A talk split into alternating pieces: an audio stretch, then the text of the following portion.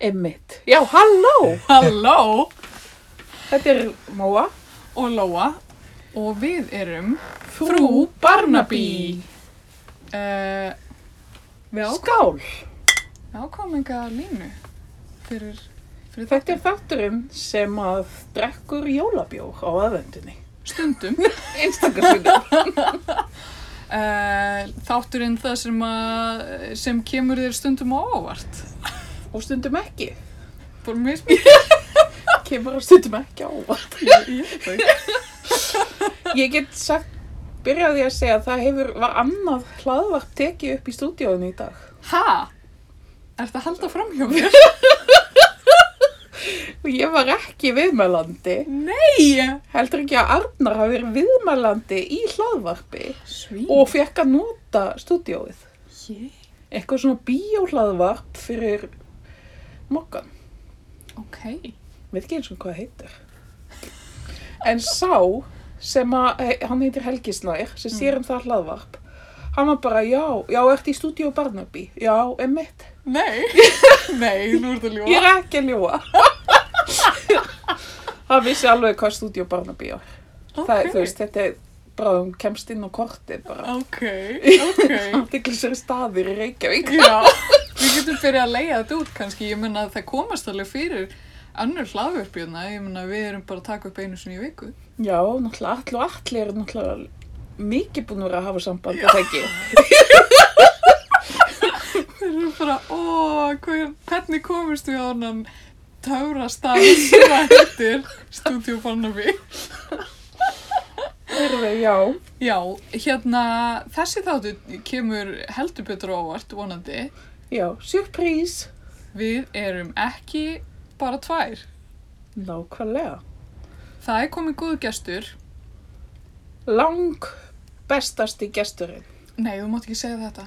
Ó, Af því að það líð, er, lætur hinum gestunum okkar líða illa. já, ok, tjók. Þetta er mjög góðu Í gestur. kvöld. Besti gesturinn í kvöld. Þetta er mjög, þetta er mjög góð maður sem er hérna kominn. Uh, hann er, uh, já, hvernig myndur þú lýsa honum? Um, já, í fyrsta lagi, hann er dalamaður. Jæja, frænd Getið þá? Getið nú? um, hann hefur unnið með okkur báðum. Já, fleiri en einum stað, sumum. Uh, hann, Hann kann fjölda, ja, fleiri tungumál en ég og ég, og uh, hefur lesið rosalega mikið af bókum og keift enn fleiri. er hérna fastagestur kannhólni. Já, nema hvað. Já, Mjög, mjög fyndin og skemmtilegur uh, maður, það er uh, Eggert. Já, Kristjánsson. Þetta er rosa kynning. Við skrifum svolítið hjá okkur, bara Já, nokkra ég punktar. heyri það. Ég þarf að senda slóðar að þátt á Tinder-deiti mín. Já. Það kynist mér betur. Nei, algjörlega. já, hefur þetta svona undir prófæl. Ég held það. Oh my god. En, ertu á Tinder? Ég er bara svo almættið allstaðar. og bara, ég er upp með mér að vera bóðin í þessi helgu við sem Studio Barnaby er. Bara vertu hjartanlega velkomin. velkomin. Já, og við ætlum náttúrulega bara að vinda okkur beint að efninu. Já, mál málana. Ertu búin að taka frú Barnaby persónuleika prófið? Að sjálfsögðu. Og var örglega með þeim fyrstu sem að gera það, ég var svo spenntur. og ég er réttamennafræðingurinn. Nei. Nei, hættu nú alveg. Og ég held að sé þess að, því að við hérna, ég og Fleur erum svona álíka vergjörn. Ég, ég sko, einmitt, þegar ég horfi á Barnaby og Fleur er uh, réttamennafræðingurinn, þá hugsa ég stundum til þín, ándjóks, ándjóks, þið eru svona álíka uh, svona á skalanum, þú veist, það er alltaf eitthvað svona nýtt að koma í ljós. Alltaf, hún er alltaf, hún er eitthvað að þarf að stækka vissum fastegn og þá hérna, þá er það út af því að hún á svo mikið af móturhjólum, eða eitthvað svona. Þetta er alltaf eitthvað þannig. En já, það er kannski, þetta er kannski svona verist sína við löðum á okkur mjög mikið pragmatistum. Já. Skrýtnum pragmatist. Já. En það er alltaf svo gott fólk sem að horfir á Midsommar. Já. Já, ég er alveg á því að þetta sé svona saltjarðar. eins og Jésús sagði um postuluna. Þér eru saltjarðar og ljós heimsins sem og fólki sem að horfir á Midsommar. Hefðu postularnir hort á midsommar? Já, ekki spurning þegar maður þótt þetta svo gósi. Já, þetta er mjög, þetta er nú bara mjög jólalegt hvernig þetta byrjar hérna allt saman hjá okkur. Já, það er einmitt aðvendan. Já. Mikið rétt. Ert þú búin að gera eitthvað sérstakt aðvendun? Heyrðu, ég get nú sagt þér eitt. Nú? Hann ekkert er búinn að kaupa allar jólækjum. Anskotið! Já, og bara kláraði það svolítið fyrir aðvönduna, sko. Já, ok. Já, á þess að brjóta nokkuð niður. Þetta er svona rétta meiningafræðingurinn, hann gerir þetta. Já, Já, svo ég getur nú haft gaman frá aðvöndunum til jóla. úræða góður. Já, Mm. ég vil meina það. Ég ætla að fyrir svolítið síðan búin að mastera það að vesla á netinu. Ah, já. Ég ætla að þurfti ekki að fara inn að búða að skoða, sko. Ég vissi hvað ég var að fara að kaupa. Já, já, já. Gerður þú lista? Nei, ég þarf aldrei að gera svoleiðis. Það bara kemur til mín. Ok. Með heilugu manda? Já, svo gott sem. Hellist yfir mig, eins og hland og koppi. Þetta sagði Kjarval held ég alltaf. Þegar hann var spurð eftir sitt ferli. Þú má ekki bjóða ykkur hérna spesíur og Ó. hvað kost þú með hérna auður? Þetta eru hárakökur sem að tengda amma mín gerir alltaf hverju ári. Já, ok. Hárakökur með rúsinum. Mér er sagt að þetta sé svolítið svona, svona gamli skóla. Já, algjörlega. Það hlýtur að vera allt með rúsínum fyrst mér vera svolítið gamle skóli. Það eru mjög góðar sko. Mm. Ég á rosalega mikið þeim heima. Vá, þessar spesjur eru geggjaðar. Já, takk. Það eru það, mjög góðar. Þetta er, þetta er mjög í ætt við það sem að mér finnst gott. Svona alveg hvít, eða svona næstu í óbak, eða þú veist. Ég vil alltaf hafa þær mjög svona mjúkar og ljósar. Já, Já. ég gerði þær, ég bakaði svolítið lítið óvart. Ég minnst það gott. sko. Já, ok. Ég fýla Já, það. ég vil frekar mjúkar keksúkur. Ég er ekki einn af þessu sem að vill sko vera með góminn fullan af sárum af því að þessi var að borða var svo stögt. Nei. Nei. Nei. Hver er uppáhalds jólasmákagraðin? Ekkert. Uh, í mörg, mörg, mörg ár voru það loftkökur. Nei. Jú, og mér fannst það heilaft kombo að fá með loftköku, vilja hana smá og fá með kóksopa og finna hvað hún listist upp. Ekkert. Það er ó... Þetta er einmitt uppáhaldi ás Arnars. Nei. Þið eru siðlaus. Nákvæmlega, og ég er búin að segja við hann bara, nei, við fyrir nú ekki að baka þetta. Nei. Og hann bara, jú, jú, við verðum að gera það. og sagt, þá bakar hann þetta og borðar það einn. það er að vísa eitthvað sem ég myndi gera líka. Ég myndi baka hvað og borða það einn. Með þess að þó sem okkur annar vildi það. En býti, þú veist, til hvað samt að baka loftkökur? Kostaði ekki bara eitthvað tíkall út í búð? Veist. Já, ég var náttúrulega sko bara in the 90s. Þá held ég að það hafi ekki verið alveg Nei, tíkall sko. nei, nei, nei. Að hérna, og móði mín eh, hefur alltaf verið sérlega metnaðafull húsmóðir. Já, Að hérna, þannig að, þú veist, það þótti ekkert fínt undir 17 sortum. ok, Já, ég skil þig. Sinnum tveir. Þannig að á okkar heimili þá gætu alltaf verið að borða sko smákökur undir páska. Já, ok. Já, ná til. Var þetta frist eða bara geimt? Hvort tökja? Mm. Mér finnst alltaf svo sniðut í, í sveitinni það er svo mikið verið að baka og frista. Já, Svo þegar einhver kemur í heimsókn þá þarf maður að fara í fristikistuna sko og ná í hérna já, algjörlega. Er eða hérna, mamma mín og maðurinn hennar eru bændur og þau eru sem sagt með fristi skáp og fristi hólf, Mm. lítið. Svo eru þau með, eru þau með tvær fristi kistur, Já, eitt fyrir kjöt, Mm. eitt fyrir bakkasi. og það er gott. Já, og svo eru þau líka með fristi hólf eða svona fristi skáp, stóran innan gengan í þykvabæ. Ok, Wow. Já. sælur nú. Og Þannig hvað að er í honum? Kjöt, skrokkar, Já, aðspagnis. En það er sko, ég vil að mis einhvern tíma kom ég heim og gekk inn á hérna, gekk inn í búr. Og þá vissi ég til dæmis að mamma mín hefði verið að vesla á hérna brask og brall. Mm. af því að ég mætti sérst yðnaðar hrærivél í búrinu. Af því þannig að það er engin munur á því eða þú ert annað bara að fara að skýta út eldhúsið hvort þú bakar fjórar kökur eða 40 Já. og fekk hún að heima hjá henni, vélinn. Já, já. Mamma var líka um daginn að spája að kaupa sér svona eðinaða steikingapönnu. Ég veit samt ekki alveg hvað er þryggja fasa rama. Aðtopnarkona.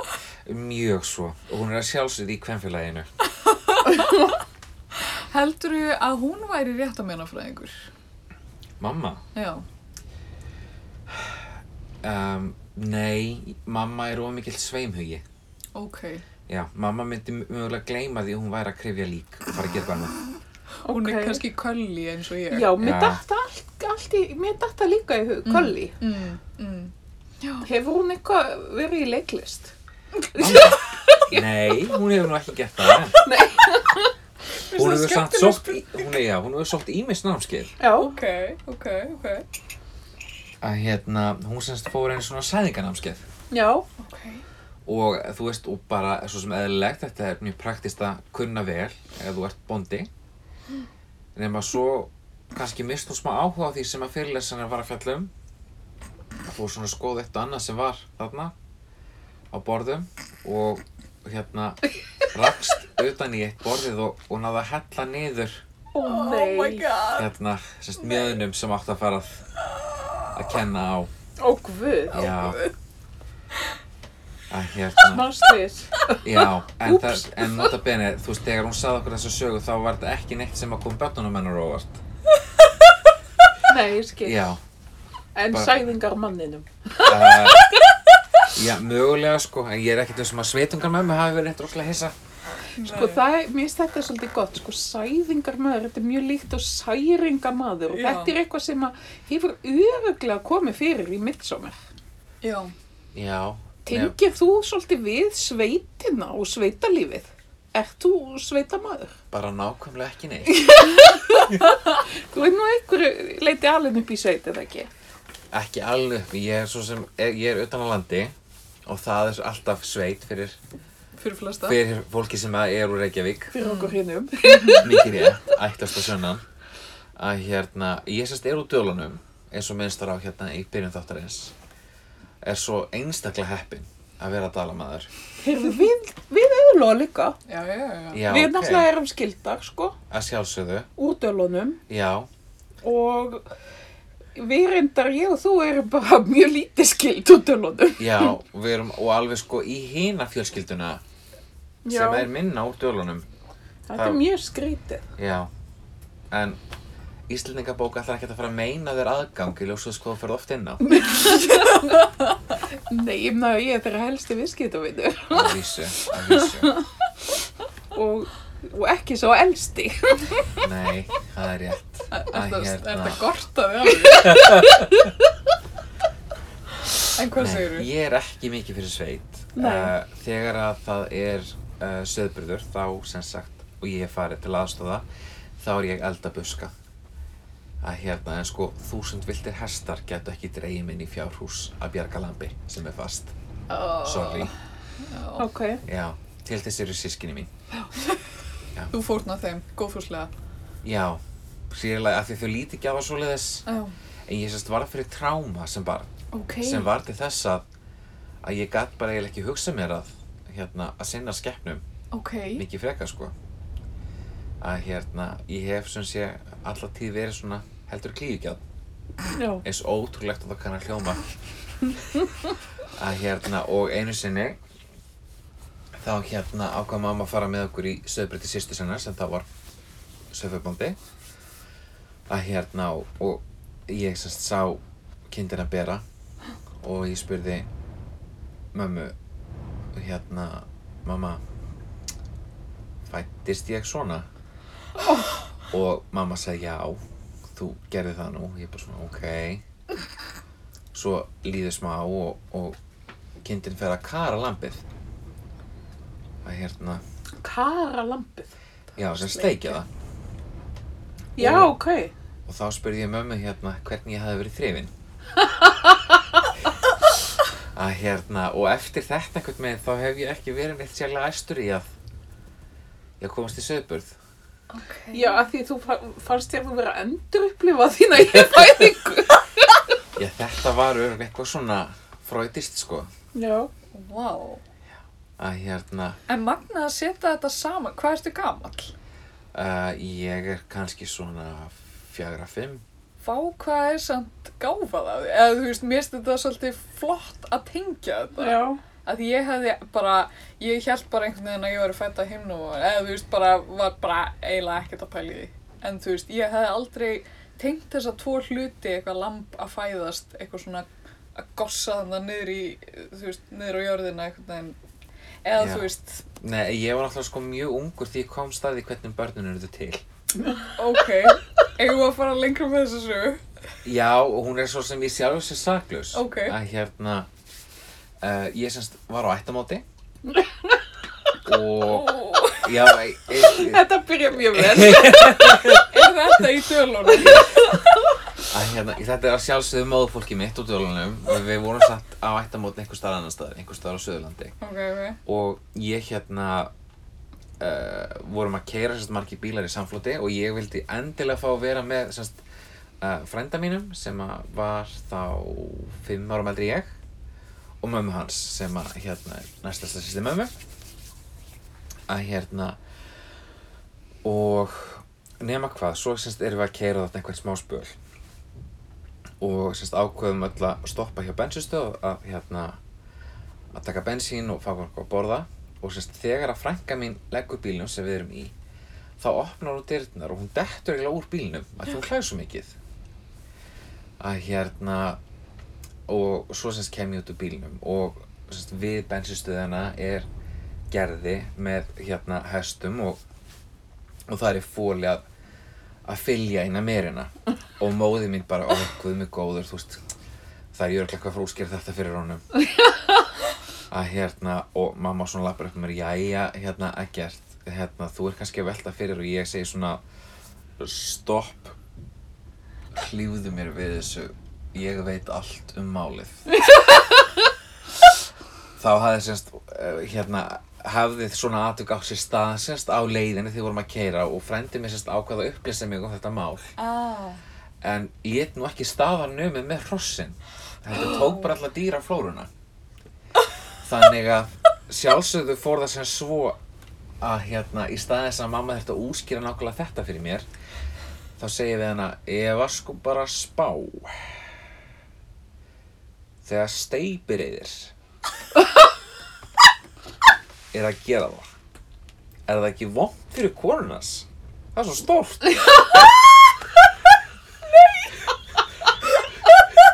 Og þá sérst hafði hérna öll kistlan verið svoleiðis og ég er náttúrulega mest hissa því að frænka mig skulle gefa kert út af. Já, já, svona var lífið í sveitinni. heldur betur. Skál í bóðinu. skál í búðinu Og nú vitið þið akkur við gerðum ekki podcast með Eggerti líka af því hann er bara svo miklu fyndnar en við. við höfum alltaf verið uppsteitsaðar í hverjum einasta þætti. Einmitt. Oh. En já, þú ert þess að dalamaður og en ert samt ekki sveitamaður nei, og en myndir þú lýsa sjálfu þér sem heimsborgara? Jú mikið frekar Er það ekki? jú, Já, ég svo. Þa, þannig myndi ég lýsa þér fyrir vinum mínum allavega. Ég myndi Já. segja dalamaðurinn og heimsborgarinn. já, Ég hef kannski glimt að segja það í, í fyrstu kynningu. Ef við spóla tilbaka. Já, Svo þú getur- nei, djók. Klippu það inn bara, ef við kynum það. Já, en, en þú, ég myndi segja af, af fólki sem ég þekki, þá finnst mér þú eiga mjög áhugavert lífslaup. nú takk fyrir það Til að Mér- mér- mikið hrós Já. mér finnst alltaf svo ógæslega leðalt hjá mér Ó. Nei, nei, ekkert svo rosalega að hérna, en ég semst þegar ég er í, hérna gagfræðiskóla þá hérna er ég í skóla út á landi bjó bifröst og Já. skóla á Varmalandi og uh, við vorum sjö í bekknum mínum Klæslegt. nákvæmlega og semst ofan á það var ég semst að, að það var að gera mig grein fyrir því að, að ég var í hommi þannig ég var með mjög mikla innilokuna kent Já, já. Ok. og ég held semst að þegar að ég svo fer í svona fyrsta ævintýri erlendist ég fer út sem skiptinu mig 17 ára til Nýjasjálands að þá svona Já, smakkaði ég ókei. frelsið sem að Býti nýja sjálfs bara hinum einu Ég- á nettinum. já, Ok, sorry, ég hef aldrei heyrt þessa sögu. ég í alvörunni Nei. Hvað ertu gaman það? ég er 17 ára Þú fer hinum einu á nettin, 17 ára gaman. já, þú orðar þetta nákvæmlega svo móðum mín gerði Já. Var leist henni ekkert á blikuna? já, hún svo sem hérna hafði aldrei látið mikið á því bera að hún var náttúrulega með hjartað í buksunum að því hún vildi mjög gjarnan að ég færi og, og fengi þetta tækifæri Mm. en það var einmitt alveg þetta kast ekki fari lengra í burtu Nákvæmlega. Ég bara, ég, ef ég væri hún, ég skil hana svo fullkomlega. Ég hefði sagt þvert nei. ég skil En hérna, ertu komin út úr skápnum þegar þú ferð út? Já. Já. og ég semst ákall dæmis að gera það þegar ég sæki um fóstufjölskyldu þá hef ég það í umsókninu minni Ok, ok. af því að hérna Ábygglega sniðut. já, þó við erum nú svo opin hérna heima en það er bara alls ekki jafn gefið Nei. annar staðar og hérna, og ég vildi ekki lendi því að fá einhverja fóstufjölskyldu sem að getur verið mikið mál Já, mitt. og lenda sér í því að þurfa að skipta út af einhverju svona Mm. Já, ég skil. að því ég átti alveg líka sem sagt hérna vini úti sem að lendu hjá mjög trúðum fjölskyldum Einmitt. og var oft svona strempi hjá þeim Mm. svona kultúrklass Jó. mjög Já. að, Já. hérna, já. en þetta var náttúrulega semst ég fyrir út 2006 Mhm. og þá fekk ég mánaðalegt símtal frá Íslandi Ok. af því að Messenger var ekki komið og, og Facebook var ekki til Nei. að hérna þannig já, það var svolítið annað en svo svona á síðust árum sko Og hvað varstu lengi? ég var í ár, Ég alveg heilt á. Ég var í semst akademist ár, ég var í nýju mánuði Ok. Og hva, hvernig var fjölskyldan? herðu, hérna núna eru búin að ræða það að ég er ekki mikil svetamæður og við tengjum það svolítið við það að ég er ekki hrifin af dýrum Ok. Að hérna sem að kemur alveg heim og saman ég er ekkit rosalega hrifin af dýrum að hérna og það var semst einstæð móðir sem að semst tók með að sér sem átti tvö börn og þrjá hunda og páfagögg og naggrís Og guð. að hérna Var þetta bara dúleitur? liggur við og páfagöggurinn var svona stór sem sko talar og hétt Mr. Pink eftir karakterinn í Reservoir Dogs Ok. og var svona alveg álíka brjálaður í skapinu Ah, ok. af því að svona páfagöggur líka þannig að þeir bara, þú veist þeir eiga bara einhvern einn maka Mm. sem í þessu tilviki var semst fóstumamma mín þannig semst hann elskaði hana og hataði alla aðra Ok. þannig að hún skildi aldrei hvað við vorum að kippa okkur upp við það þegar hún ákvað að hleypa honum út úr búrinu svona við og við sem var rosa stórt sko Mm. að hérna og svo gerist það einu sinni að uh, hérna þessi fóstursískinni mín sem eru þá mjög ung uh, fara til pappa síns eina helgina og svo semst er það að koma heim á sunnundeginu þegar fóstumamma mín Karol er frá. Og hún byði mig um að vera heim að taka móti og ég segi að ekkert mál. Nema semst yfir helgina þá deyr nagrísin sem að litli strákurinn átti. Og þau fengur náttúrulega bara tauga áfall sískinin að hérna og mér var þá rosalega tamt að sína svona uh, hvað maður að segja norræna umhyggju. Oh. þannig ég gæti bara sagt svona svona svona og gaf þeim ís. Þangað til að þeim var illt og þau hætti að af nagristum og meira bara því að það var illt í maganum ís er alltaf svarum. ís er alltaf svarið sko. Og þú veist ef ég hefði orðið uppsköpt með ís þá hefði ég bara labba með þau út í búð og bara kipt ís á lílinu ekki spurning. En þá var hann Agassi greiðlega búinn að vera eitthvað svona tæpur sem að, þú veist, ég hefði ekki, ekki hönsið á sko. En Karol var alveg búinn að býða eftir því að þetta myndi gerast. Ok. Já, ok. og ég var alveg bara, hvað með smá viðvörun? Og svo var náttúrulega bara liggu við sko ríkisútför Já, ég skil. næsta dag Svona konunglega útför. Já, í, Og, í, í skókassa og þú veist svona uh, talaði við gröfinni og já. Og var var leikinn tónlist. að vísu ekki uh, það hefði örgulega verið eitthvað með þú veist Alvin and the Chipmunks að hérna og ekki kannski átt við Guð, ég mann þegar að hérna köttur ömmu minnar, hann dó, hann varð átján ára. Og uh, þegar hann deyr þá, þá er hann sem sagt eldri en mörg barnabönnin Ok. og hérna og á svona svolítið sérstakann staði í hjörtum fólks. Já. eh, og frænd fólks míns. Og hérna við vorum öll að fara upp í sumabústað sko. Eitthvað helgina eftir og við grófum hann sko þar. Og það var jarðaför og við fórum sko að gráta. Já. þetta var ótrúleg ótrúleg stund það heit sko César Já. og hérna Þið hafi ekki sagt César með í, á gullaldara latínu. nei, Þá segir maður sko Kesar. nei við sögðum það ekki Nei. hann var bara kallaði César hann hefur kannski heitið César en hérna en já, þetta var svona tragist moment og, og hérna ég held að ég og starkjöfum með þessi að skori út svona lítinn skjöld sko, Æ, til þess að hafa yfir honum.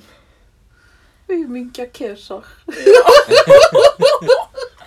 og hann, hann, var, hann var nú orðin svolítið svona luralegur svona, Já, á átjanda ári. Já, Já, ég trúi því. Já, hann hafði verið svona fyrir eitthvað bústinn og, og svona ekkert voða vingjartlegu köttur þannig séð en, en hann var svona, jú, jú, hann var alltaf þarna og var til staðar og hérna nema svo undir það síðast að var hann svolítið mjór og, og hérna hann var eiginlega hættur að mjálma, hann náði bara rétt að hneggja svona smá svona Ok, mjög já. skrítið.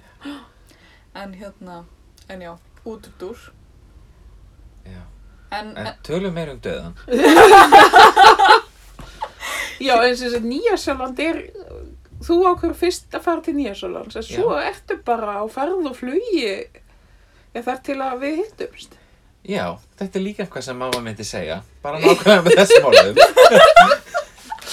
Já, ég hef reyndar, Heyrðu, ég held að við höfum nefnilega ekki sagt í byrjun en hérna ekkert er sem sagt, eða var uh, samstarfsfélag okkar á þjóðmyrnasafninu og, og þið unnuð saman þú og Móa, á upplýsingarmiðstöð ferramanna. já, Já, þannig þið eigið, við erum sko langa veðruð. Já, Við erum veðruð í ferðamanna bransanum svo vorum við náttúrulega vitaverðir lengi vel. Í okkar fyrra lífi. Við vorum einmitt mikið alltaf að tala um sko, þú hvort það fær ekki að losna stöður vitavarða. Þegar við vorum gjössamlega að gefast upp á, á hérna, á ferðamanninum. já, sem að var líku við daglega á tímabili. Segðu mér að gert, e, þegar þið unnuð saman, bara Já. þú og Móa, hann e, á þessum turista information, Jú, jú. e, var Móa líka tæknikonan þar?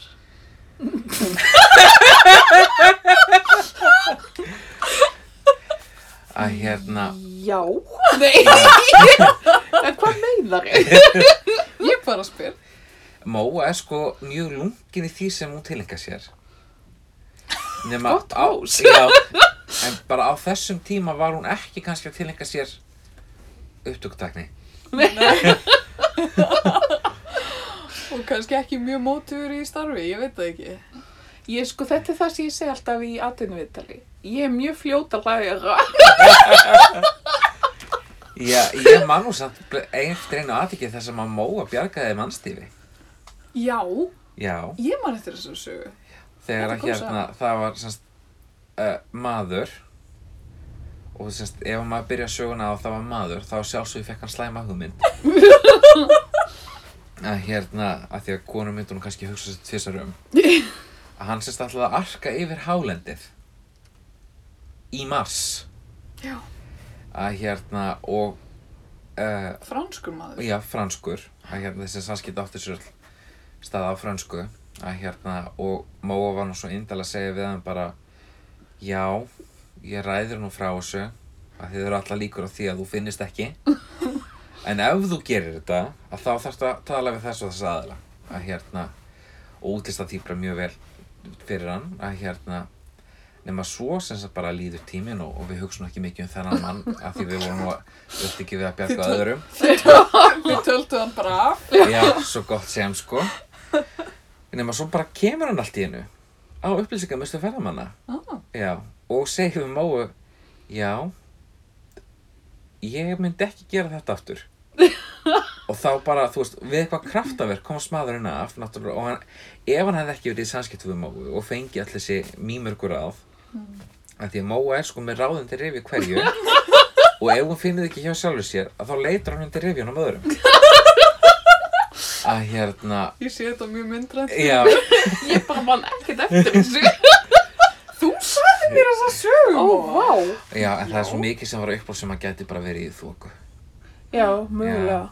Kannski er þetta En, aldur. en, Já. en hann kom sem sagt Já. til þess að láta Mói segja við sig I told you so. basically En gott hjá hann. Það er svo gaman að hafa svona tækifæri. já, algjörlega að hérna, og ég, við bara áttum eiginlega ekki til orð sko Vá.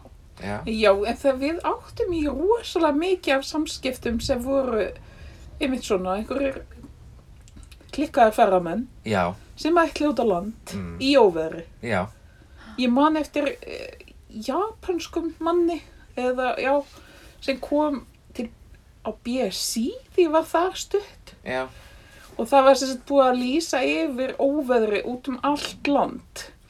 Og ég segi við hann og hann er að reyna að leiða sér bíl. Mm. og ég segi við hann, já nei, þú ert ekki að leiða þér bíl, þú ert bara að fara að vera inn á hótelherbergi. Og þá svona hló hann svona ho ho ho ho ho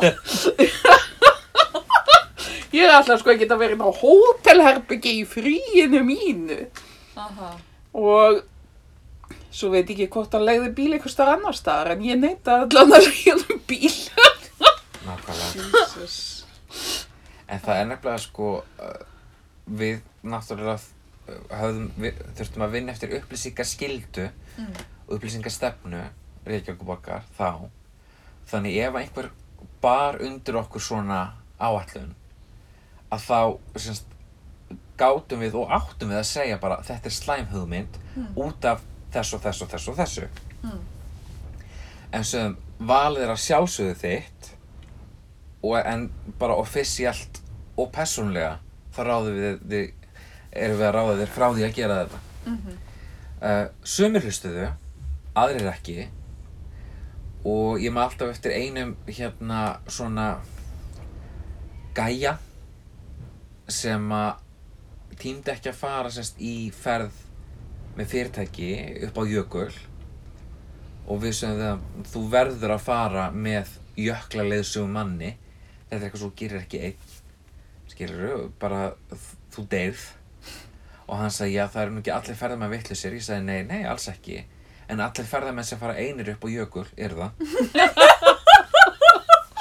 Og hann ekki glaði með þig. já, hann bara einhvað svona gaf mér eitthvað skítaglott og, og lappaði út skilur Ok. hann kom ekki aftur en en ég held að hann ekki verið líst eftir honum en það er bara, þú veist, þetta er ekkert spurning um að vera klár, ég meina allt í hennu bara myndast sprunga undir þér Mm. og þú er bara að fara inn Já, Já. ég meina, já, Já.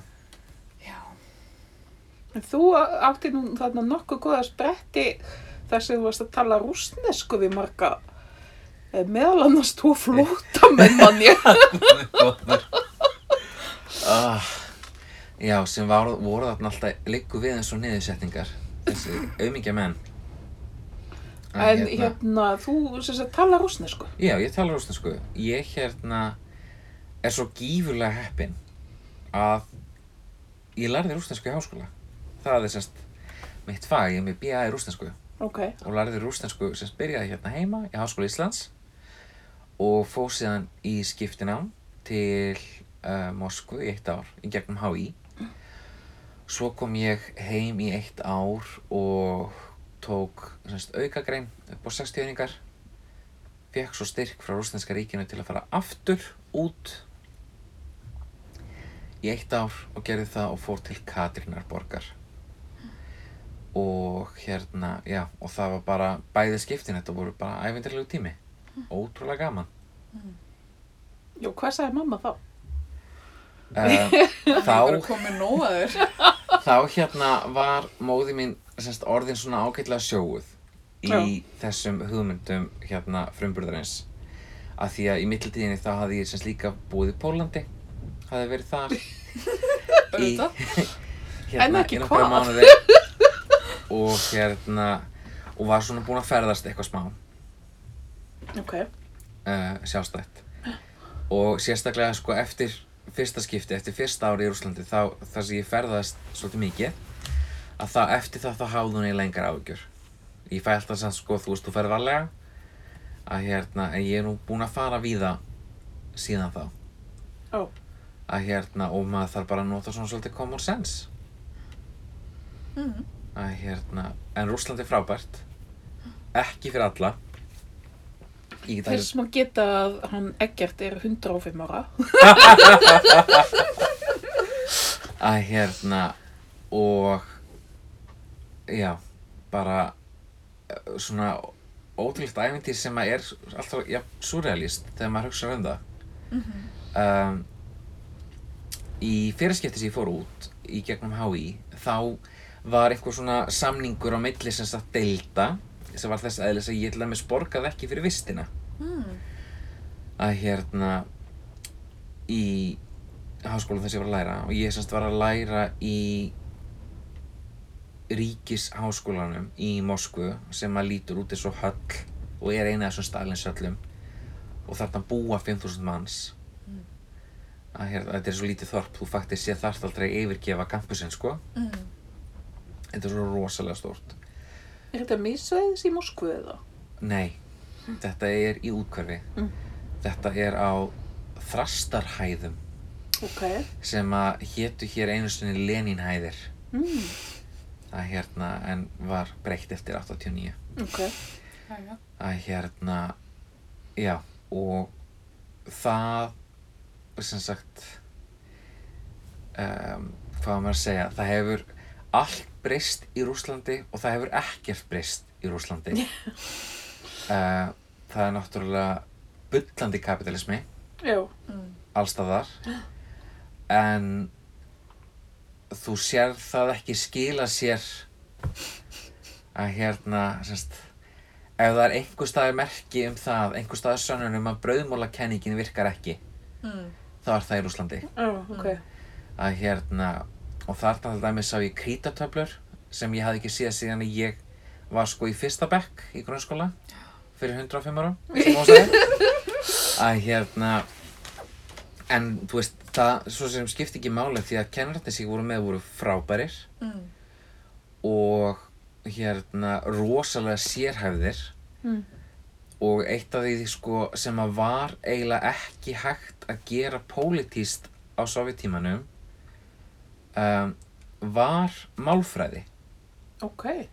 Þess, málfræði var ekki svona þú veist bourgeois eða kommunísk eitthvað svo þess málfræði var svona hún var of abstrakt til þess Ok. og þar að leiðandi gáttu þeir sem að lögðu fyrir sem málfræði stúdera þann í þaula án þess að eiga það hérna Á hættu að vera... já, sendir í hérna í einhvað gúlag sko Mm. Þú veist, og gúlugin eru ennþá starfrækt í dag bara sem fangilsi sko Ok. þetta er ekki einhver svona, einhvað sem breyttist Mm. eftir að hérna ráðstjórnaríkin hætti að vera til Já, breytingar eru sem sagt afstæðar.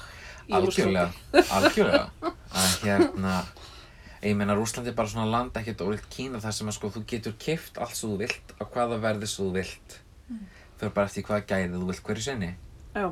Og ég meina eh, ég upplýði það alveg líka sko að þurfa að fara til læknis á enga klíník sem að ég og borgaði þar eitthvað sem er svo sem ekkert gífulega mikið fyrir okkur en mik mikið meira í Rúslandi að hérna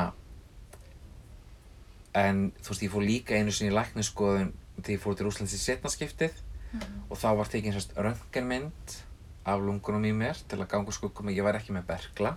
Mm. uh, og sérst svo mynd var tekin með röntgentæki sem að skólinn hefði fengið að gjöf frá Austur Þískalandi 56 Ó, Ok. Já, en þú er ég úti bara 2014 sko. Og, bara, og þessi græja virka sem aldrei fyrr. Bara svona spjald sem var rúla fyrir því og þú gast síða hjartað eitt slá svona eins og í teiknumyndur. liggur við að hérna þetta var alveg, þetta var ekki smá græja sko. Ok, en sko ég var með sérstakann kennara sem kendi sko málfræði og lestur. Ég var með annan kennara sem að kendi hérna tal. Ég var með sérkennara sem að kendi hljóðfræði. Og allt var þetta svona þú veist á mjög háu plani. Ok. og allt svona akademist hjá rússum er þar. Ok. á rosalega háu plani, þetta er ekki gert að einhverjum semingi. Mm. Þetta finnst mér svolítið merkilegt vegna þess að pappi minn lærði í Rúslandi í kommunistaskóla ok, uh, og hann, það, þetta var vetur 68 bylningaveturinn mikli. Og hérna en þann einmitt sagði að það hefði alls ekki verið á háuplani. Og þeir voru tveir, hann og Dagur Sigursson uh, úti. Og þeir voru náttúrulega einu frá Íslandi og í langan tíma og hvort það var einhver eftir þeim. Og þeir fengu þess að tólk sem talaði dönsku. Eða svona semi-dönsku Já. vildi pappi minn meina. Og hann sem sagt átti að tólka rúsniskuna fyrir þá yfir á dönsku og þetta var veist mjög skröldlegt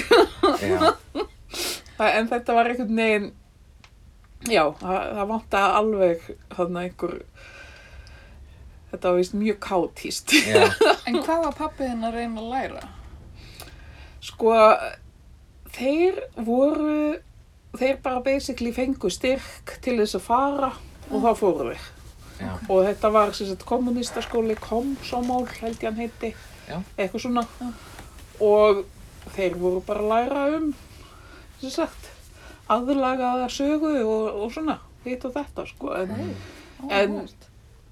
Hvað þeir lærðu mikið er annar mál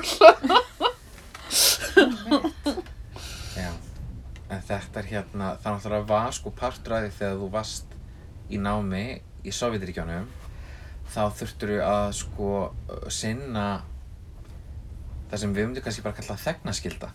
Já, sem sagt, ef að það þurft að grafa skurð eða þú skróðu sitt eitthvað svoleiðis Mm. þú sem bara nefandi þurftir að vinna x marga tíma á viku eða mánuði bara við eitthvað svona. Gerði þú eitthvað svo leiðis? nei, Nei. Sovjeturíkin voru game over þegar ég fór. Fannst þér það pínu leðilegt? uh, ég gat alveg lifað án þess. En núna til dæmis er þegnaskylda en þá til sko í Rwanda í Afríku. Ég held að sé alltaf þriðji lögardagur í hverju mánuði og þetta er talin ástæða þess að höfuborg Rwanda er eins og hreinasta í heimi. Af því að bara allir fara út að tína rösl þetta er eitthvað sem við ættum að taka upp fyrst mér. Já, kannski. það er ekki skilta Já.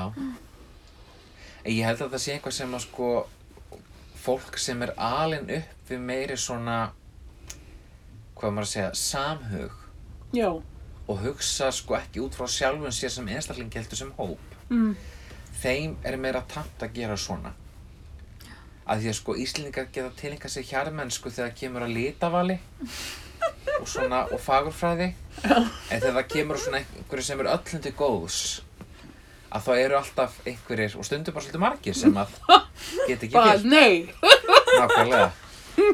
Ég hef annað og mikilvægara við tíma minn að gera. nákvæmlega. Eins og að gera hlaðvarp. Þetta eru mjög góða kukkur þessar frá ömmuði, nei, tengda ömmuðinni. Tengda um minni. Það eru eiginlega bara dásamlega. Það var hún amma Siri. Það er svona, já, það er eitthvað við áferðina sem ég er alveg að fíla. Já. Ég, sko, ég uh, hef setið á þessu heima hjá mér. Svo í fyrra þá gaf ég mömmu minni eina svona, eða kannski fleirin eina, ég man það ekki. Man ekki hversu, góð ég var við hana en, hérna, en þá, þá sagði hún að það hefði helst yfir hana svona nostalgía Já, að hérna langamma hennar hefði alltaf, eða amma hennar, langamma mín, hefði alltaf bakað svona. já, þe- þegar þú segir það, það er svona ömmu feeling, sko. Gamli skólinn svolítið á þessu. Já. En ég selði ekki dýra en ég kæfti það, mér finnst það samt mjög góðar. En stundaði þú brefaskriftir þarna þegar þú varst í Rúslandi eða varstu komin bara í e-mailin? Ég, þá er ég komin í e-mailin að Já. hérna, en ég er svona reynd að gera það að senda einhver nokkur bréf, en það að fara á pósthúsið að kaupa frímerki í Rússlandi er ekkert gamanmál. Í Nú, alvöru? Í Það er bara rosa mikið mál. Nú? Það er, þú veist, hérna, hvað er bréfið þungt og bara, ég veit það ekki, andagiftin á eftir að koma yfir mig.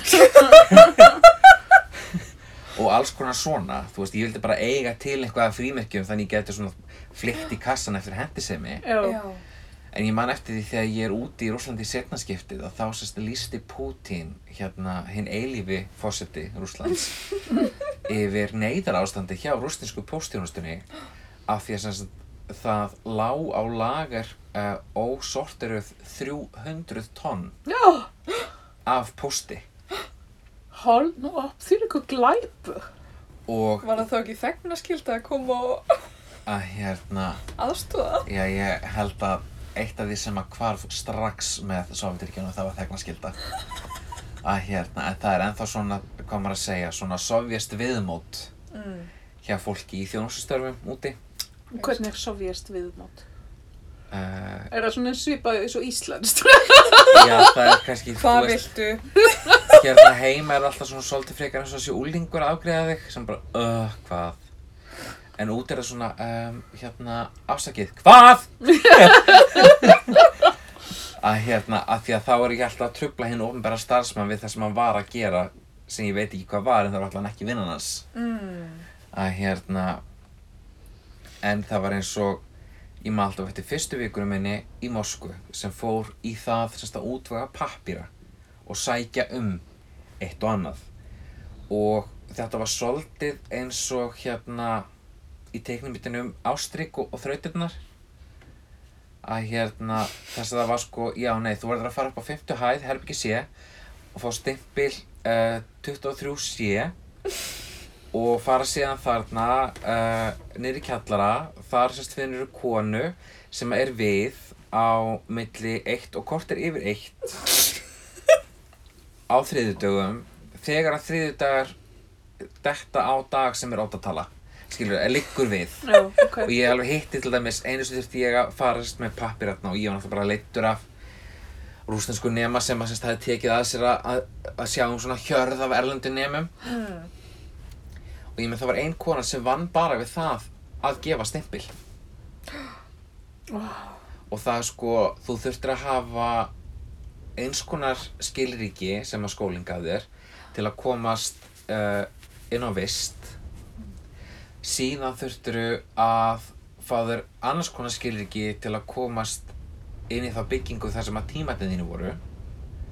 Síðan þurfti ég að fara og sækja um sem sagt uh, metrókort Mm. og ef það er einhvað sem er frábært við Moskvu þá er það metrókerfið Ok. að hérna ég maður alltaf eftir því ég semst fyrsta ára mitt í Rúslandi þá fór ég til St. Pétursborgar um áramótin að heimsækja vinkunum mína og, við, og í St. Pétursborg er líka metrókerfi og mér var eiginlega bara um og ó þegar ég var búinn að býða í meira en eina mínútu á háanatíma því þetta hafði aldrei gerst í Moskvu. Býtu og ég, ég man nú allt í hennu eftir ég að hafa séð einhvern svona listfræði þátt e, þar sem að einhver var í einhverju metrostationi í Rúslandi sem var bara eitthvað svona eins og Louvre. Já, Já, svona er skreitt og flúrað og Er eitthvað þetta ekki flottustu neðarjörar lestar uh, stöðvar? Jú, í ekki heimi. spurning og ég meina það ganga ennþá vagnar sem að gengu 1945 Oh my god og bara þú veist, og við erum að tala um þeir eru veggfóðraðar með ljósakrónum Vá, það er ógæslega Við erum að segja að Stalin gerði eitthvað gagn. Ég, það er náttúrulega það sem var gert á Stalinstímanu var gert út af Stalin. Að hérna, og þetta er svona svolítið einkennandi fyrir rúsnins stjórnarfar það þarf alltaf að vera einhver sem að stjórnar hlutunum bara með handabli. Já, ég skil. Að hérna, og ég meina á Stalinstímanu þá þorði engin annað en að standa sér í stikkinu. En segðu mér eitt, varandi þessi neðjarðar lestar stöðar, Já, mjög lóndóð á íslensku, að sem sagt, ég fór að heimsækja bróðum minn til Prag.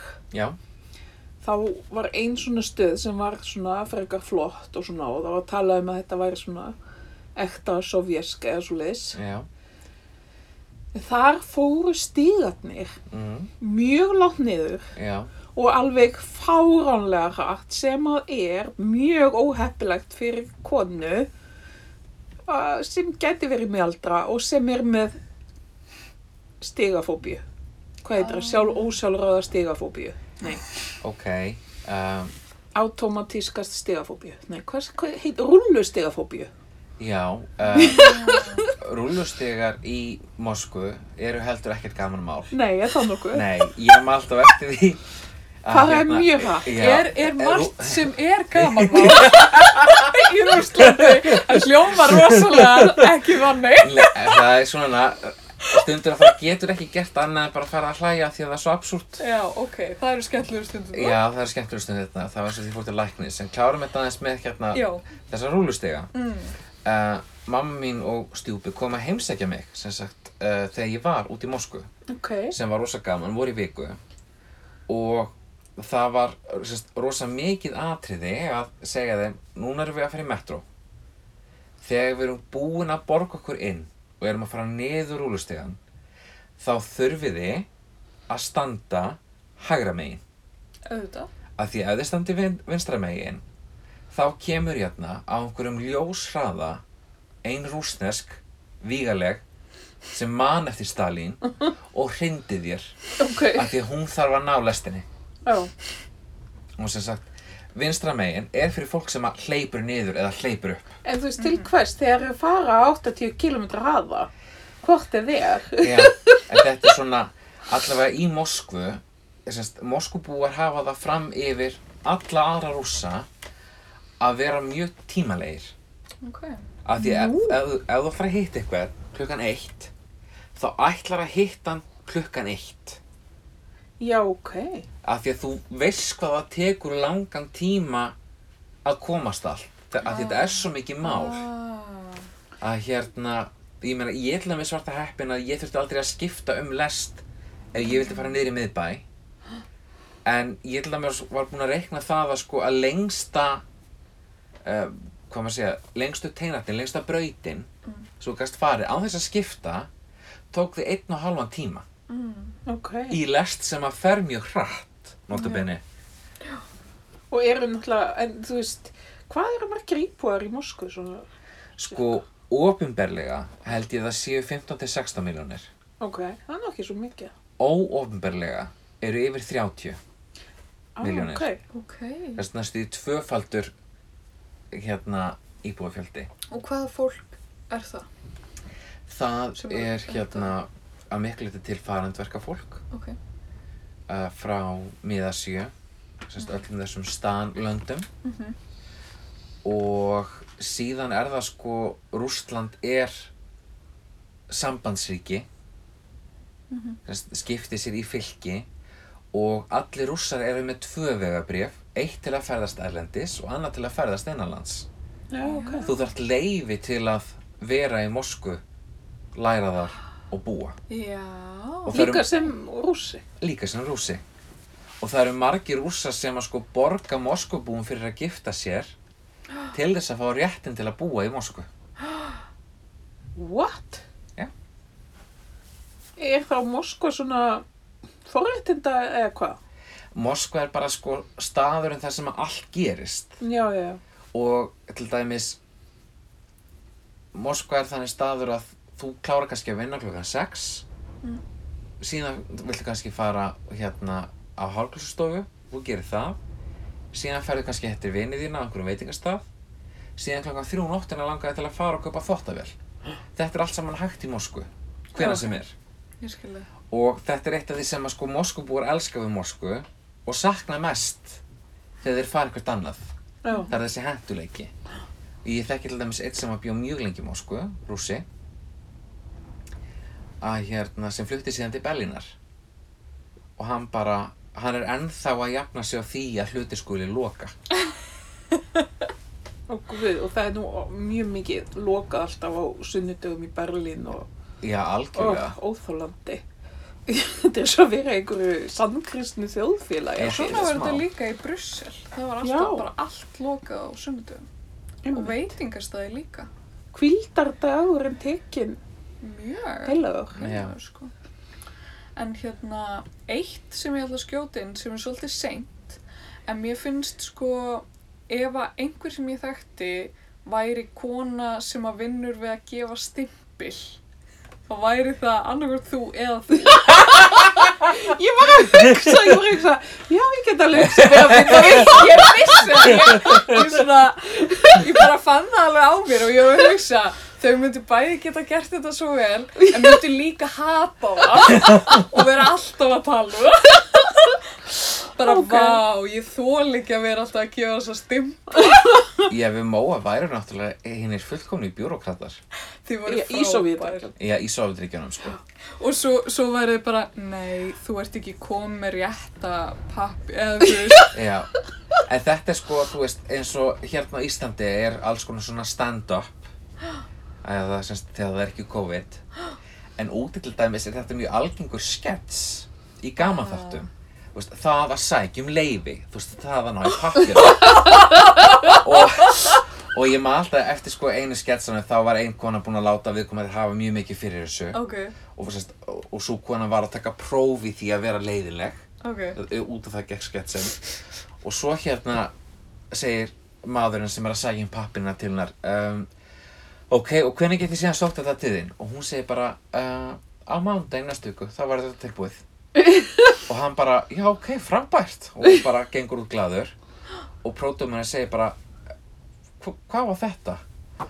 og hún segir, tss, ég verði fríi. Ah, ok. þetta er svona, þetta er mjög rústnest Já, en þið myndu, mynd, þú veist, þið myndu sóma ykkur bæði svo vel líka í að segja bara, þú veist, klukkan er eina myndu yfir, bara, nei, það er lokað. já, það er líka loka Guð, Þau myndu hafa svo gaman að því, eða þú veist, bara, þetta, þetta er svona skringilega mikið vald, já. þú veist. Ég bara, við erum aldrei að prinsipuð. Og sem sáðistir bjúrokratar. Nákvæmlega. En hérna, en hvernig er að vera hommi í Moskvu? Eða Kat Katrín, er Katarínuborg eða Katrínarborg á Já. íslensku. á rúsninsku? Jekaterinburg. Já. Að hérna, það er upplifun. Ok. Um, ég sem sagt fer út uh, svona halvu ári eftir að það var mjög mikið í fréttum að það væri svona ofsóknir. Það væri verið að veiða homma Ok. í Rúslandi. Þú Og- fór samt. Að sjálfsögðu. Að Var hérna... þetta bara eitthvað svona þrill? Ég, ég meina, þú veist, ég hafði þá búið í Pólandi Ok. sem að er ekkit rosalega framalega á mérinni Nei, hvað var það réttindabartu eins og fólks var þó framar þá en það er nú en það er annar mál. Um, ég semst var búinn að fara á netið og það eru alls konar svona spjallsíðu til til að reyna að komast í kynni við einhverja stráka sem að gæti kannski svona að gefa mér einhver ráð úti. Og þessu, þetta er ekkert flókið. Ef að þú ert að hitta eitthvað á netinu sem er mjög algengt uh, ekki hitta eitthvað sem að segist vera undir átján. Mm. og þessu, þetta er bara það einfalt. Já, ok. af því að semst allir þeir sem að lendi því að, hérna, að vera ráðist á höfðu verið að mæla sér mót við uh, einhvern sem að kynnti sér sem ólögráða einstakling Ok. á netinu að hérna og sko Moskva er er stórborg og heimsborg Mm. og hitt dagstaglega líf í Moskvu tekur rosalega á Já. þess vegna eru Moskvubúa kannski ekkit rosalega annálega fyrir það að vera sko kurtisur og þólamóðir Mm. að hérna, en eru enga síðan mjög skemmtilegir en þetta þarf ekki tæmt að fara saman Mm. mm, og sko þú gæti verið allsber Mhm. í neðajarðalest og enginn annar í lestinni hefur áhuga á þér af því þeir eru bara á leiðin að gera sitt skilur, eða voru að koma að skrifstofunni þú veist, búnir í úlinum að því það er búið að stimpla svo mikið. Um, og það er einhvern veginn sko allt í bóði í Moskvu. Veist, það eru alls konar skemmtistæður og kaffihús og kannski ekki neitt sem að stimpla sig sem sko hins einn kaffi en þetta er allt svona queer friendly. Ok. og hérna það er náttúrulega heimin og haf á milli rússa sem að alast upp í Sovjetríkjanum versus þá sem að alast upp eftir 90 Já. Mm. og svo þá sem að alast upp eftir 2000 og svo fyrir þá sem að hafa kannski eftir á því að ferðast. Þú veist, allt þetta skiptir rosalega miklu máli, þetta er rosalega margar breytur. Og þú veist, fólk áttar sig ekkert endilega því að þú getur haft einhvern sko sem er með miljónir í tekjur. Síðan getur þú haft einhvern sem er með hundruð þúsundir tekjur. Síðan getur þú haft einhvern sem er kannski með 20.000 krónur í tekjur á mánuði sem leikskólakennar í Sýberíu Já, ég skil. að hérna og það er sko uh, og Rússland er í raun og veru fjölþjóðlegt land. Að því í Rússland eru tölið yfir 100 tungumál. Já, emmitt. að hérna uh, sem að flest hver hafa sko ofinberan status. Já. og eru semst ofinber mál í sínu hvert í sínu fylki að hérna en það eru rosa margir sem að leita til Moskva því að Moskva eru sko eru bestu háskólarnir. Best launuðu störfin svona almennt að hérna og það er svo margt sem að Moskva gerir sem að laðar fólk að sér Ok. að hérna, og Moskva er náttúrulega líka bara, hún er mjög skemmtileg, það eru, veist, það eru listasöfn og sögusöfn og alls konar svona, sko, viðbörðir í gangi og og af því að sko eh, þó svo að heimapartí sé alveg eitthvað sem er til í Rúslandi að þá er samt, hefur þetta með myndast mjög mikil menning fyrir því að hittast á kaffihúsi og spila borðspil. Að hérna líka því að fólk var kannski þú veist, hvað maður að segja er, var ennþá lengi að trappa sig niður eftir staðlatíman þar sem þú gast ekki sko gert neitt heima hjá þér af því það var alltaf einhver að hlusta. Já, já. að Já, hérna, mamma er svolítið, hún verðist vera svolítið eins og hún hafi upplifað þau ár, sko, því hún er alltaf með kveikt á útvarpinu, já, svolítið fleiri en einu, til þess að vera alveg örg á því að, sko, enginn sé að hlusta. að hérna Afi líka með þetta, hefur ekki talað um gamla manneski sem er alltaf með sjónvarpi í gangi. Já, já, já. Og hann bara getum við aðeins slögt á sjónvarpinu af því ég get ekki hugsað halva hugsunni þinni. Einmitt. Að hérna, þetta minnir mig á sögu sem ég las einhvern staðar á, á veraldavefnum um sem sagt uh, bandarískan Hermann sem var í Afganistan sem að ringdi reglulega heim í konuna sína. Mm. og að því að hann var hermaður í Afganistan að þá semst vissu þau bæði að það væri sko 99% líkur því að það væri verið að hlera símtalið. Ok. þannig að þau hérna byrjuðu alltaf símtala á því að skila kveðju til John. Þau bara Hello John sem að þau gáðu sér að væri semst sá sem að væri hérna að hlusta síðan semst er túrin hjá Hermannum að klárast og hann ringir og herði ég bara er á leiðinni heim að hérna þannig að þau semst enda símtalið á Goodbye John og þá heyra þau svona hvíslað My name is Robin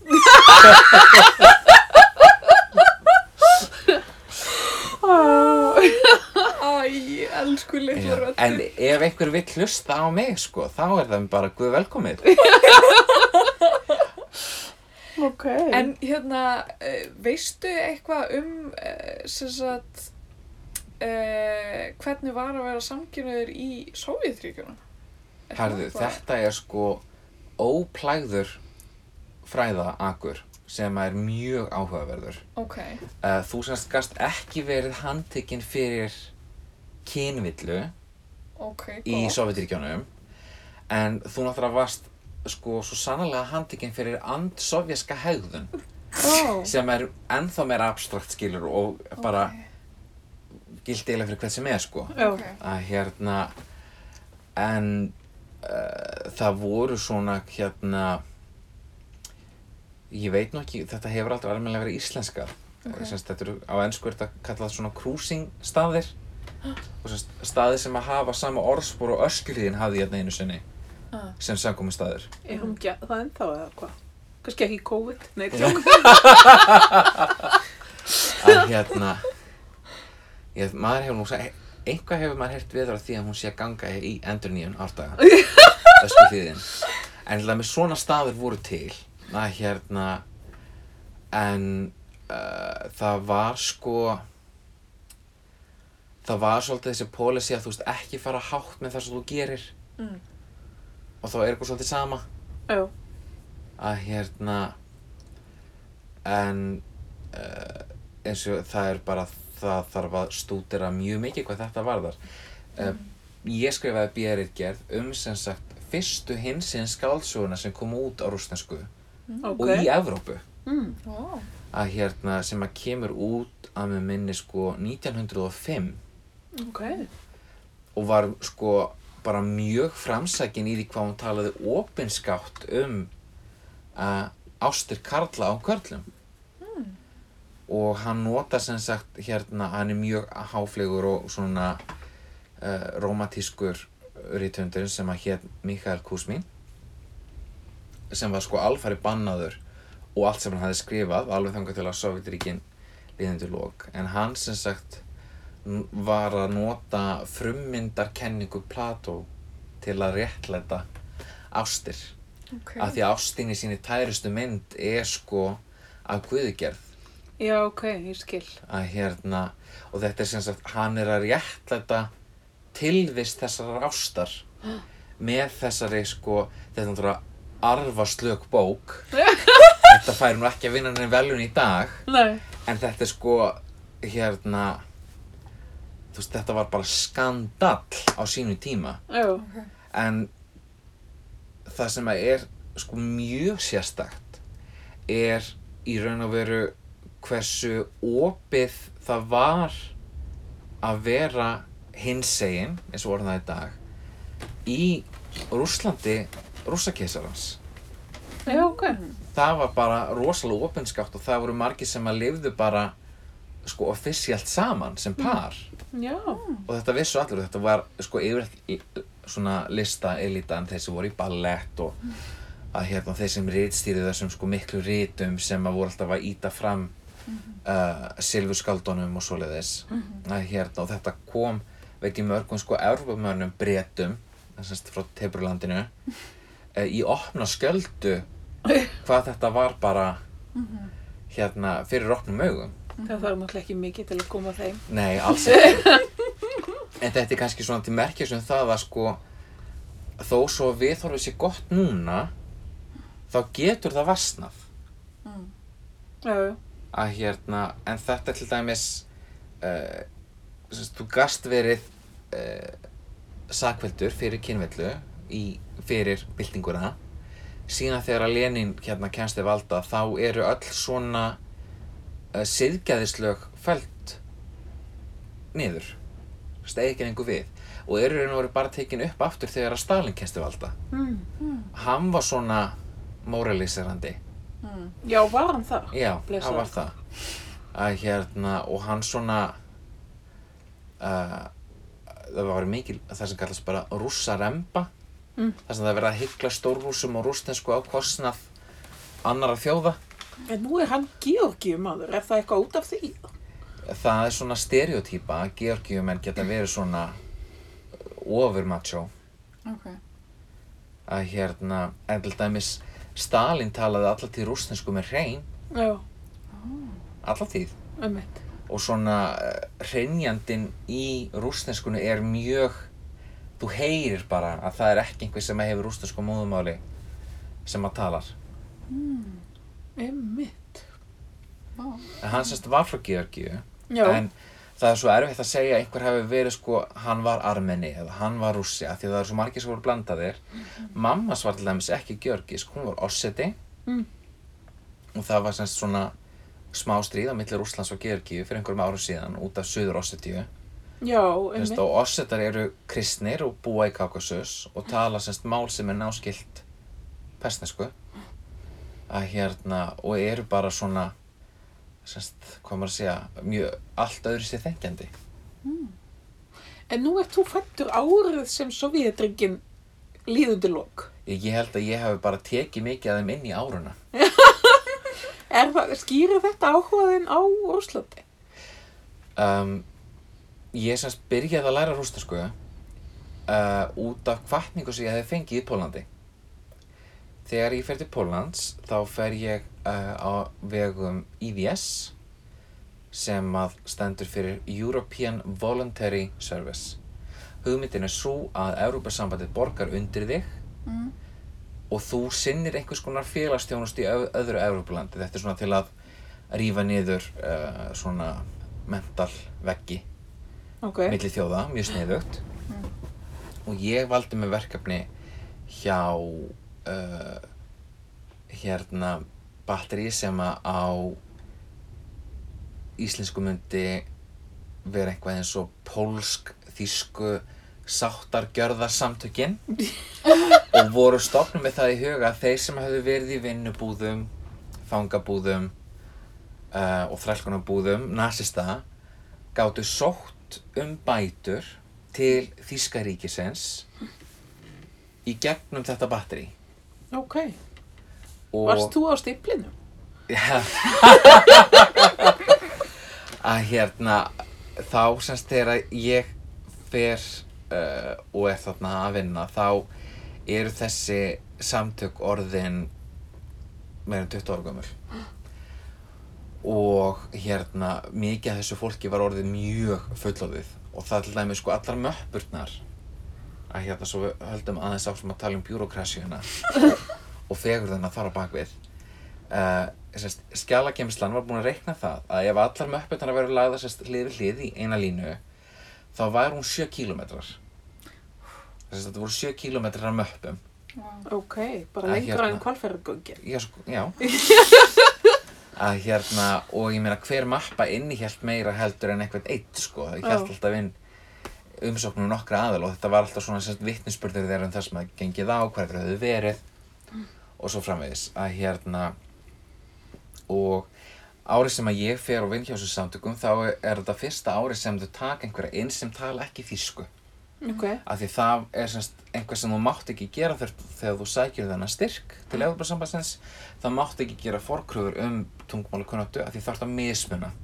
Ok. sem á ekki. Að hérna en þar að leiðandi var kannski svona aðeins minna úr að móða af verkefni sem ég ekki tekið að mér en ég var heimsóknarvinur fyrir semst pólska hefðardömu sem var þá orðin nýræð þegar ég er úti frú Barbara Og varst þú þá áttræður? ég er títur þegar ég er úti að hérna frú Barbara eins og það væri vinkun okkar. Já. Að hérna, ef hún hefði sko verið mikil vinkun ekkert, að því að hún til dæmis Eina ó, spesju. eina spesju Mm, hún elst upp á aristokrata heimili Ok, heimilismálið var franska. Mammenar þótti mjög ómentuð að því hún talaði ekki fransku um, pappinar hafði lært læknisfræði í Petrograd sem er það sem að Sankt Pétursborg hét lengi vel þegar að Póland var ennþá partur af rúslandska kesaraveldinu og hún til dæmis var sérstök að því leitinu til að fyrir utan pólsku og, og fransku þá talaði hún ennsku og hafði sérst fengið leifi til að ferðast út fyrir hérna uh, Östurblokkina að vísu ekki mikið lengra en til sko jú, hún fekk einu svona að fara til Fraklands og svo fór hún líka nokkur svona til Júgoslavi að hérna og hún sérst um, Var þetta í Varsjá? þetta var í Varsjá og hún hérna sérst, vann, hafði lært lögfræði og þegar ég kynist henni, já þá er hún 88 ára þá vann hún ennþá sem lögfræðingur Já, what? já, Bara eins og bandrækjafórsetar? Já, svo gott sem að hérna og hún sérst hérna talaði um það í mjög löngumáli að fallegasta tungumál í heiminum væri franska en það væri svo sem engin spurning að næst og eftir kemur rúsneska Já, ég verði að vera sammála. Já, Mér finnst, eða sko, ok, kannski ekki hlutlaus með frönsku, en mér finnst sko rúsneska hljóma ótrúlega fallega. En ef ég ætti að velja, þá myndi ég örugglega velja sko rúsnesku og pólsku. Eða, þú veist, já eða pólsku og rúsnesku. En þetta er náttúrulega sko svona tungumál eins og á kannski við um öll tungumál í heiminum. Það fyrir rosalega eftir mentunastígi þess sem talar hvernig hún hljómar. Mm. Af því þú getur verið sko rosalega þumbur og þú veist verið svona grófur og með styttingar og eitthvað svoleiðis. En til dæmis að hérna svona eh, rússneska sem einhver úr sko gömlu elitinni talar eru svo konfekt fyrir eyrum. Hún er svo mjúk og til dæmis Já. syngjandinn í Moskvu er mjög skemmtilegur af því að allt sem þeir segja hljóma er svo slúður. Ó, dásamlega. Já. Og það er góðan daginn, hvað segir þú? Hvað er frétta? Að hérna, já, ég fór í þessa búð og kifti mér og allt hljóma svona í Moskvu. Ó, Að hérna, og, og hún sagði ekkert, þetta er ákveðið. Þú bara verður að læra rúsnesku til að geta lesið á frumálunu. Ah, Og þar með var það útkljáð. og þá bara gerðið þú eins og frú Barbara sagði. Já, góðfúslega. já, það sjálfsögðu. Ég, ég get sagt þér það ekkert, ég hef kannski ekki sagt þér þess að sögu áður. en ég lærði smá rúsnesku Ok, í Sorbonne í París. Þá var ég mitt tvítug og þá hafði ég lengi langað ætla að læra rúsnesku. Ég len, lendi í því sem ég vil segja sé pínu óheppilegt að ég verð svona ástfangin á rúsnesku kenna. Var hann alltaf bara, jæja má, hvað segir þú? Nei, það var ekki þannig, en hann, hérna, Monsieur Tolstof, hétt hann, að sjálfsögðu. svona ungur og, þú veist, rústneskur maður með svona þessi bláu augu sem maður finnur bara í Östur-Evrópu, veitir Já. hvað ég á við? Já, um mitt. og hann, hérna, hann var mjög upptikinn af því að kenna okkur tökurð á rústnesku.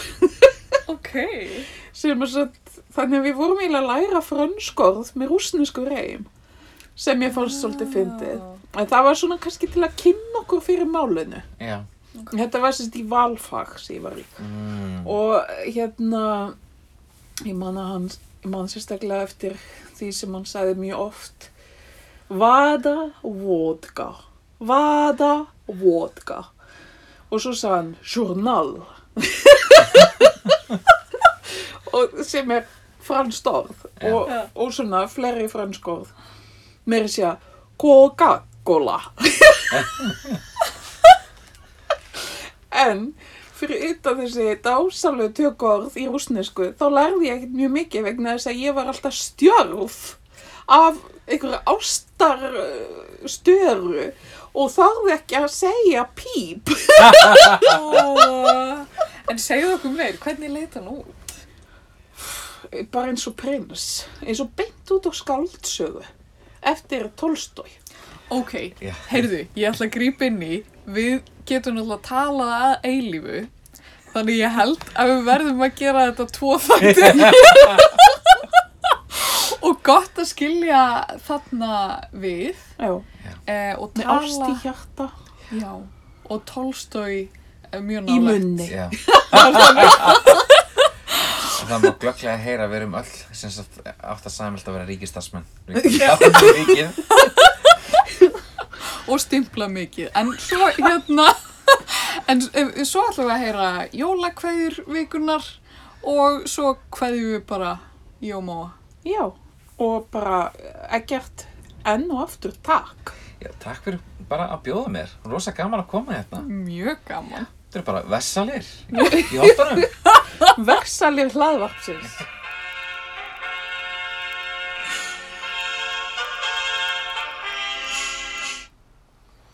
Er komið að jólakveðjum. Uh, annar, uh, annar, Annað innslag. annar, inn- annar kveðju einslag, nei, Já, hvað segir maður? við það er allavega komið að því Já, og við erum hérna með dálítið af kveðjum ok, sem að þarf að koma á framfæri. já, það er nú gott. Að það er, þetta er vinsælt. Þetta er orðið mjög vinsælt. Já, þetta er að fréttast út. Já. Svo hlakkaði til þegar fólk fer að svara kveðjónum sínum. Já, ummitt. Hvort að fólk fer eitthvað að taka upp á því. Já, það lítur að koma því. En mér langar til dæmis að svara einni kveðju uh, sem að ég fekk í síðasta þætti sem Já. var frá henni sýstu minni. Já, Uh, og ég vil bara óska henni bara sömu leiðis, gleðileg, uh, gleðileg jól og farsælt komandi ár. Og ég ætla ekkert að vera með neitt svona uppsteyt eins og hún var með. nei, er bara einfalt og fallegt. bara sannur jólaandi. Af Því þú ert þannig. Svona það. Nei, djók. hérna, hér er aðsend kveðja Já, frá honum Sindra Leifsinni já, e, og hún hljóðar svo. Kæra Kata, með óskir um bjarta framtíð og gleðileg pizzajól. Kveðja, formaður og meðlimir leinifélagsins. ú, Dula fullt. duló. Svolítið Barnaby í þessu, þessu sko, Já. þessar kveðju. Heldur betur. Eh, svo kemur einn ansi laung. Ok, ætlaði þú að lesa hana? Kanski, kannski ég lesi hana og svo rétti þér Já, flott. rauða kassan Já, sem við gefum jólakveðnar í. Eh, hérna eru jólakveðjur eh, frá honum Gunnar Jóla Ó, sem komið mitt hér í viðtal um já.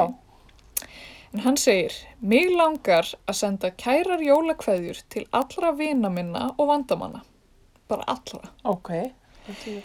Ok, og hérna það eru Siggi og Áslaug og Litla kraftaverkið sem hann sendir kærar kveðjur og ósk um gleðilega jólaháttíð sem þryggja manna fjölskylda í fyrsta skipti. Hann sendir Ármanni, Söndru og Óskari Alla kærar kveðjur um og ósk um gleðilega jólaháttíð í nýju íbúðinni. E, Jóni, Andru, Sögu og Heklu sendi ég kæra kveðjur og ósk um gleðilega jólaháttíð og farsæld á nýju ári og tilhlökkun yfir flutningum næsta árs. Móður minni, góður, Já, móður minni sendi ég svo suðrana spánarströyma með von um að áður en langt um líður komist hún í beilistrykju, markaðsröld og skriftir á hvítu ströndinni. mm. Þanga til verður að nota hugmyndaflugið, þetta þekkjum við, sérfræðingar. eh, til þess að breyta snjó í sand, netkaupum í markaðsröld og, já, beilistrykju. Henni þarf ekkert að breyta. Enn fremur ég öllu starfsfólki Þjóðminnasaps Íslands gleði á jólum og farsaldar í leik og starfi á nýju ári. Síðast, þó, síðast en þó alls ekki síst eh, óska ég frú Barnaby, þeim auðlóu og móu, Úhú, loksins. gleðilegra jóla og farsaldar á nýju ári með þakklæti fyrir minningar, hlátur og vináttu árana. Gleðileg jól frá Gunsa frænda. Ó, þetta var sætasta kveðja allra tíma. Hann er sætur. Ok, og býtu, það eru, það eru nú einhverja fleiri hérna. Já, Hér er einn. ok. Uh, kæra frú, jólakveðja frá mér. Ég, uh, og þetta er frá henni áslegu heiði Kasata. Jú, jú. Við þekkjum hana og hún þekkir okkur. og hún seg, sendi þessari jólakveðju. Ég þakka nánustu vinum, skemmtilegum þjóðfræðingum og áhugasöfum nemyndum hlýhug og góðar stundir á umurlegu ári. óska ykkur og öðrum sem eiga þess skilið gleðla háttíð, ljós og friðar, áslög, heiður, kassata. Já, og góðverki hennar var að gefa manni hillu fyrir stöf sem lá á gólfinu. Glæsilegt. Bara mjög gott. Þannig jólaandin. Já, Og hérna, mér finnst líka gott að óska, óska, hérna, já, óska fólki gleðilegra jóla sem á það skilið. já, hvernig þá? Mér finnst það bara gott skilið. Það er bara skemmtilegt. Heyrðu, hérna er nú eitt Pétur Karlsson. Já, ætlið þú að lesa hann upp? Uh, þú mátt gera. Ok. Heyrðu, þetta er mitt frendi minn. Elsku frú Barnaby, mér langar að senda jóla og nýjaskveðju til allra, bara allra, nær og fjær, á móti kemur lofarðum góðverk í kanínuhólunni. Ó, Þetta er nú bara svolítið sætt. mjög sætt. Já, og, þannig er ekkert verið að mismuna. Það er bara allir verður og óverður Já, sem fá þannig Einmitt. jólakveði. bara allir. En hérna er reyndar einn dásanleg sem að, sem að þú vilt kannski lesa. Já, ég, já, ok. Þessi kveðja kom í póstólfið mitt. Já, bara prívat. Já, og ég ætla að taka hana þannig að hún sé beint til mín. Já, og hérna, og ætlar deila henni með okkur. Já, hún er frá mannesku sem heitir Komla Toussaint Atiamon. Fallegt nafn, finnst það ekki? Jú, já. Og hún byrjar svona. Hæ, elskan. Hvernig hefur þú það og hvernig gekk fjölskyldunni þinni þarna? Ég vona ykkur líði vel. Það er ánægja mín að hitta þig. Ég myndi elska að eiga heim með þér. Ó, Hverju mínar til fjölskyldu þinnar? Þú veist, en notaleg. ég nú ætla alltaf að ljúka öllum hverjum að ég myndi elska að eiga heim með þér. Þú veist, þessi er ekki svolítið gott. Það er góður heimur. Já. Æ, en notalegt. Ég vona að við séum ekki gleyma neinum jólakveðum að sinni, Nei, en já. annars eru það bara, hérna, já, við endum á lægi, en við ætlum líka bara að segja bara við vonum eh, hjartanlega að hérna, þið hafið það gott. Já, við bara þekkum kærlega fyrir allar uh, sendarkveðjur, sendu jólakveður til ykkar og Já. sérstaklega fyrir all góðverkin. Já, við þökkum mikið fyrir þau og hérna, og svo ætlum við bara að brýna fyrir ykkur að ef þið viljið senda inn jólakveðju þá hafið þið eina viku til stefnu Ó, nei. og svo er bara, já við erum nú tangilega sér komnar í frí eða má segja frá Já, því við erum í fríi, sko. En hérna, en við erum að, starfa fyrir jólakveðunar Já. en þá segjum við það bara gott í byli